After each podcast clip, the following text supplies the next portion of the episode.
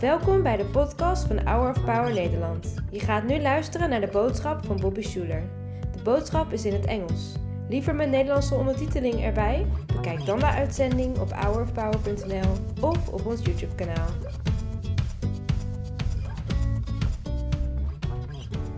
Well, whoever you are, would you stand with us? Hold your hands out like this as a way of receiving. We're going to say this creed together. I'm not what I do. I'm not what I have. I'm not what people say about me. I am the beloved of God. It's who I am. No one can take it from me. I don't have to worry. I don't have to hurry. I can trust my friend Jesus and share his love with my neighbor. Thanks, you can be seated. Today I'm going to talk about the importance of the will to love. Not the will to live, the will to love. It's a famous and beloved essayist and short story writer, George Saunders, was invited to give a graduation speech at uh, Syracuse. And when he got up there, he said, You know, there have been a million of these sorts of speeches given at these sorts of events, and usually you get an old guy like me, and he comes up here and he he tells you all these life lessons that you have and things that you can do, whatever you put your mind to, and these types of things, and that's good and all. But I think when you talk to an old guy, the best thing to ask him is, What's your greatest regret in life? And he said, I want to answer that for you today. He said, First, let me tell you what I don't regret. Here's something I don't regret all of the horrible jobs I've had in my life, and I've had a few including being a knuckle puller at a butcher shop, whatever that is. I thought, ugh. He said, I don't regret the many, many times I have been poor and didn't have my next meal. He said, I don't even regret the time that I was in the Sumatra and I jumped as a young man into a river to go swimming, and then I looked up only to see 300 monkeys pooping in the river. And then I got sick for seven months. He said, I don't even regret that. And I don't even regret the time when I was playing hockey in high school, and after I swung my stick, my hockey stick went flying into the audience and hit the girl that I had a crush on. I, I don't regret that either. He said, Here's what I regret the times in life where I failed to be a kind person. He said, The times, I call them failures of kindness. He used an example of a girl. He said, In the seventh grade, there was this girl, kind of a wallflower. Her name was Ellen. And she was an awkward kid, didn't have really any friends. And she had those cat's eye glasses that kids used to wear before they were cool, you know? And back then, only old ladies would wear them, not kids, actually. And, people, and she would chew her hair a lot and was really quiet and would look at her feet all the time. And people would tease her and sometimes even bully her and call her names. And she had a lot of hard days at school. And he said, I would imagine Ellen going home to her mom or parents, and her mom would say, Hey, sweetie, how was your day today? And she would say, Oh, it was fine. And he said, I was not one of those bullies. I never picked on her, I never called her a name, but I never paid her any attention. I never said anything to her. And one day she moved away, and I never saw her again. And he said, And you know what I regret now that I'm in my 60s and I'm getting on in my years? He said, I regret way back then in seventh grade that I didn't be nice to Ellen, that I didn't go out of my way to say something or become her friend or give her a smile, ask her how she's doing. And many of you have regrets like that too. I know I do. I've got lots of regrets like that, where it's not even like you were a mean person, but you know there was somebody who could have used your help, who could have used a hug, who could have used a, a nice word or a friend or someone to sit with them or put their arm around them. You see, in life, you don't regret the lost jobs as much as you think. You don't regret the lost crushes. You don't regret the monkey poop.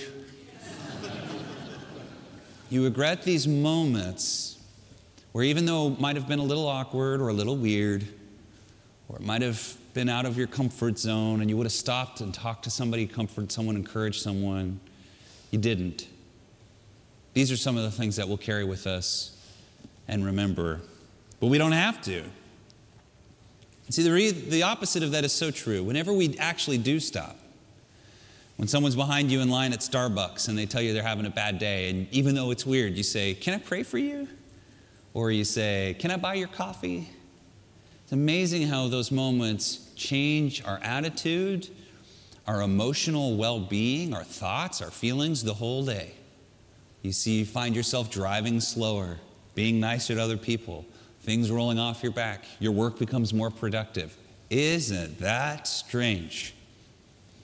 That when we're salt and light in the world, a lot of other things just sort of naturally get better in our lives.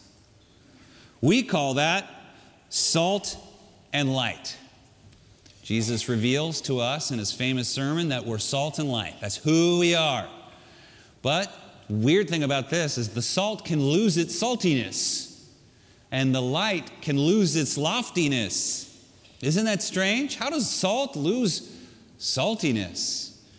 And some of you, you remember a time when you used to be nice and salty and not in the way, you know, it's salty, like, and light and light and full of love and kindness to other people.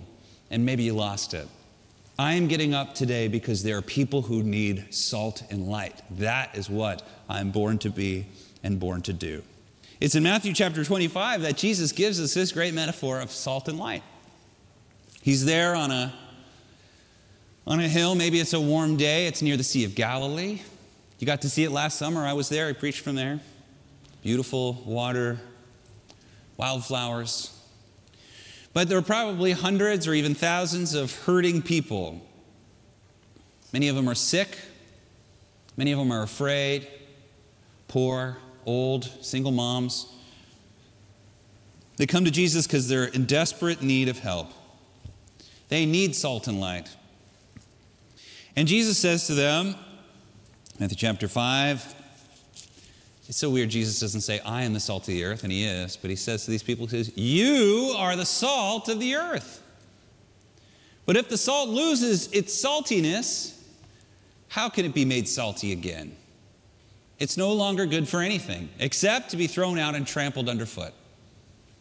You are the light of the world. A city on a hill cannot be hidden.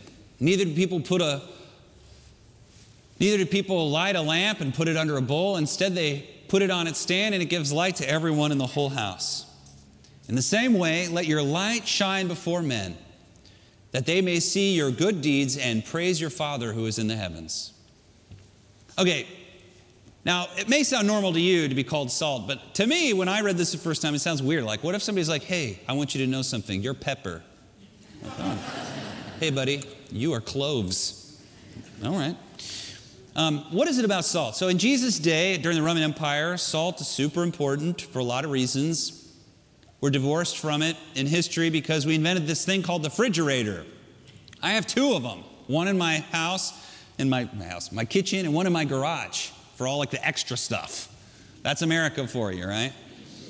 In those days, they didn't have refrigerators or ice machines or anything like that. They had salt. So if you have food that perishes, you take it and you dip it in some brine and you pickle it or you, you know, brine it and hang it up. So you have salted pork, which is basically beef jerky and this type of thing. And that's how you preserve meats and different types of foods and vegetables that otherwise would perish. And you can have them for a long time.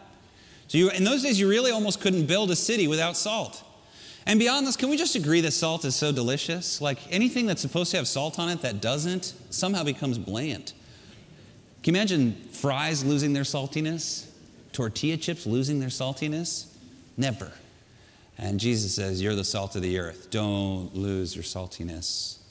Don't lose your saltiness. And just think of that. All these hurting people who say, I need help. I need to get out of a rut. I need some money. I need to pay my rent. I need help. Jesus turns the whole thing on their head as people are worrying about their own situation. He tells them, You already have all that you need to be salt and light to someone else. And if all of us were salt and light to each other, everything would be different. And so he says to you, the best way to get on with your day, to get a will to live, is to get a will to love and to be passionate about others. When you recognize that you're salt and light, you get all the salt you need. When you recognize you're salt and light, you get all the light you need.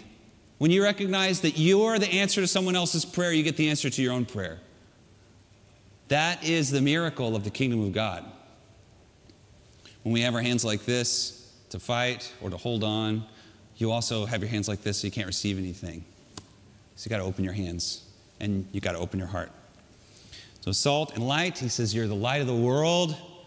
That's a powerful statement. If I asked you, Pastor Bobby, to a congregant or a viewer of our power, who's the light of the world? You're almost for sure going to say Jesus, and you're right. But who does Jesus say the light of the world is? He says, It's you. Whoa, hey now, that's a big compliment that God thinks you are the light of the world. He says, Don't hide your light under a bushel. What does that mean? Anybody here seen Aladdin before? Vaguely? Or you know what the genie in the lamp is? Remember that lamp, that weird looking shape thing? This is an actual lamp. This is what he's talking about. These lamps, you put oil in that hole in the top, and on the other hole, you have a wick, and then just like a candle, and it stays lit. And so typically at nighttime in your house, house is made of stone, typically in the desert, and you'd have 15 to 20 of these maybe around your house, and the whole house would be illuminated. But the problem is when you have to light one of these, it's a pain in the neck. If you've ever gone camping and you've tried to start a fire without matches or a lighter, it is a pain. And I have tried. And this is the problem. When they leave, they blow out all the lamps except one. Because lighting a lamp, I mean, like doing this thing with a stick or like flint takes forever and it's a pain in the neck. So they leave one lamp on and then they put this bushel over it. And I know it looks like that's going to start a fire, but it doesn't. Or they can sometimes do a clay pot and they leave it there so that if anything in the room or something falls on it or leaves get on it, it won't start a fire. So this protects it. And then they go, you know, she leaves the house and go visits her sister, and then they have dinner, and then they talk about the other sister. You know what I mean? Oh, she's been going on, and what mom has to say about that. And then she leaves her sister's house and comes home, and it's cold in the house, but she has to start a fire. She takes the bushel off the one lamp and uses that one lamp, and she goes around and lights all the other lamps in the house and maybe lights a fire. So, what happens is this is an ancient light switch. She comes into the house, pitch dark, pull the bushel off, boom, the house is full of light. And this is the image Jesus is using for the people that he's talking to. He's like, You are like this lamp, but you got the bushel on, and it's dark in the world, and all you got to do is just take that bushel off and watch what it does to the people around you. Many of us, we don't see ourselves that way. We think we're just a lamp that's blown out. But he's saying, no, no, you're already lit. You've already got all you need. You've got all you need to say. Just take the bushel off and see what God can do. As Jim Cock used to say, 90% is just showing up. Just show up and do what you can and watch how much of a difference it will make in the lives of other people. So take the light off. You need light in your life? Be light to someone else. It's interesting. You turn the light bulb on, the light bulb gets the most light, doesn't it? The room gets some light, but the light bulb gets the most. And that is the amazing thing is that when you really do lean into this idea, you just find that everything in your life gets lighter, better, more interesting, less boring. There's just something about being, choosing today, I will be a light for my neighbor, that it makes for me all the light, all the salt I need is there. Isn't that good news? God's got enough light and salt for you and for your kids and your grandkids and for your spouse and your friends, and He's got even more than that. And so when we decide to be salt and light forever, we're just overflowing. But here's the weird thing if when you're line, in the line in the grocery store, you decide to pay for the person behind you or in front of you, or when you're at work and you notice that your colleague's having a rough day and you ask him why, or when you're out and about at the mall or whatever it is that you're going and you, you, see someone that needs some help and you do something about it, you immediately become a bigger person somehow. It's like your whole, like imagine your life is like a fuzzball or something. It just it gets bigger. It just gets bigger. There's something weird. And even if you fail, but especially if you succeed, everything else in life gets better. The traffic gets better, your boss gets better, your work gets easier, you sleep better. This is a Bobby Schuller promise. This is a Bobby Schuller promise. This is what so many of us are missing and need right now is this. to just say, Who cares if it's weird? I'm just going to do it. God will challenge you this week, by the way. He's going to challenge you. And you're going to have a moment, and you'll have about three seconds to make a decision, and then the moment will pass. I'm preparing you because it's coming. So who do we reach? You know, many of us we think, okay, a, God's calling me to go, to go to the other side of the world. No, it's the God calls you to love your neighbor. Your neighbor. How much? What's your neighbor? Your near dweller. I'm gonna. I like to go with about 15 feet, something like that. Imagine you have a 15 foot hula hoop that's a like a laser hula hoop, and anywhere you go, anybody's inside your laser hula hoop, that's someone. And you're like, well, some people in that loop no, no, everybody that goes into your, your hula hoop space of 15 feet, uh, that's somebody you got to look for. It's called a near dweller or a neighbor. Here's another thing to think about. When you're living life with your 15 foot hula hoop, try and do it in a way that is unhurried and relaxed. It is very, very hard to love people if you're in a hurry and all stressed out. Uh, I heard uh, somebody say this, and I had the exact same experience. I often ride my bike here to the church from my house. There's a beautiful bike path, it goes all along the river, and it goes all the way to my house. And it takes about 45 minutes or so to ride my bike from here to there and there to there. Well, one night I forgot that I had promised Mrs. Schuller I would be home at a certain time, and I was I had my bike, and I, I realized, oh no, I'm running late. So I pedaled as hard as I could, and I was like, I'm gonna turn this 45 minutes into like 15, 20 minutes. And I went as hard as I could. I was sweating, the sun was coming down. I was going as hard as I could. And going from regular speed to full speed, I cut off about four minutes. and I was like, you know, I, my bike ride is one of my favorite things of the day. The birds are chirping on the waterfall. I didn't see a single, you know, I didn't see anything. I was just like, oh, I gotta get there. And I, it was kind of a big lesson for me in life. How much time are we really saving on the freeway, the fast walking, the fast pace, the go, go, go, go, go? How much time are we really saving? And the answer is not much. Almost always it's not much. But what is the cost? Almost always it's a lot. It's a lot. Your adrenaline's up. You don't see people that are hurting. Anyone that gets in your way, you have this phrase that comes in your head fool, fool, fool, fool, fool. Right? Jesus says, be careful when you start saying, you fool, in your heart. But when you're hurried and someone in the grocery line is looking through their purse for the card, and you're in a hurry, what's going through your head? You fool, you fool. When you're at the airport and someone's taking too long to get their laptop out of their bag, and then they actually ask, Do I take my laptop out of my bag? And you say, It's already out of your bag, just put it on the thing. What are you saying in your head? You're like, you fool, you fool, you fool. That's what a hurry does. Hurry turns everybody into fools. You're, they're a fool, she's a fool, she's a fool. How can you love people like that? And the answer is you can't. So we got to slow down and relax. Oh, and by the way, there are some people that don't want any of your love. There are some people like that. Some people don't like salt, and some people don't like light. They're called slugs and bats. You know, slugs don't like salt, bats don't like light. It's just how it is. And you say, it shouldn't be that way. They should, they should want love. They should want light. They should want salt. Slugs don't like salt. Bats don't like light. It's how it is. Don't deal in shoulds and shouldn'ts. It's how it is. You move on. Most of the world needs that stuff. And when you, when you do it, you see their life change, changes, but your life changes too. And that's, that's the good news. You are salt and light. Take the cover off. You're not a wallflower, not you. Let somebody else be a wallflower. It's not you. You're here to be salt and light to people who need it. And I know you can do that today. Lord, we thank you we love you. You are the salt and light in our lives. And when nobody else is around, we always know that we have the goodness of your grace, mercy, love, and friendship. It never fails. It's in Jesus' name we pray. All God's people said, Amen. And now the Lord bless you and keep you. The Lord make his face to shine upon you and be gracious unto you. The Lord lift his countenance upon you and give you his peace. In the name of the Father, and of the Son, and of the Holy Spirit. Amen.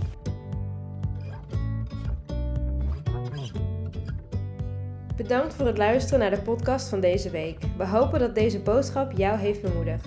Wil je meer weten over Hour of Power of dagelijkse bemoedigingen ontvangen? Ga dan naar www.hourofpower.nl.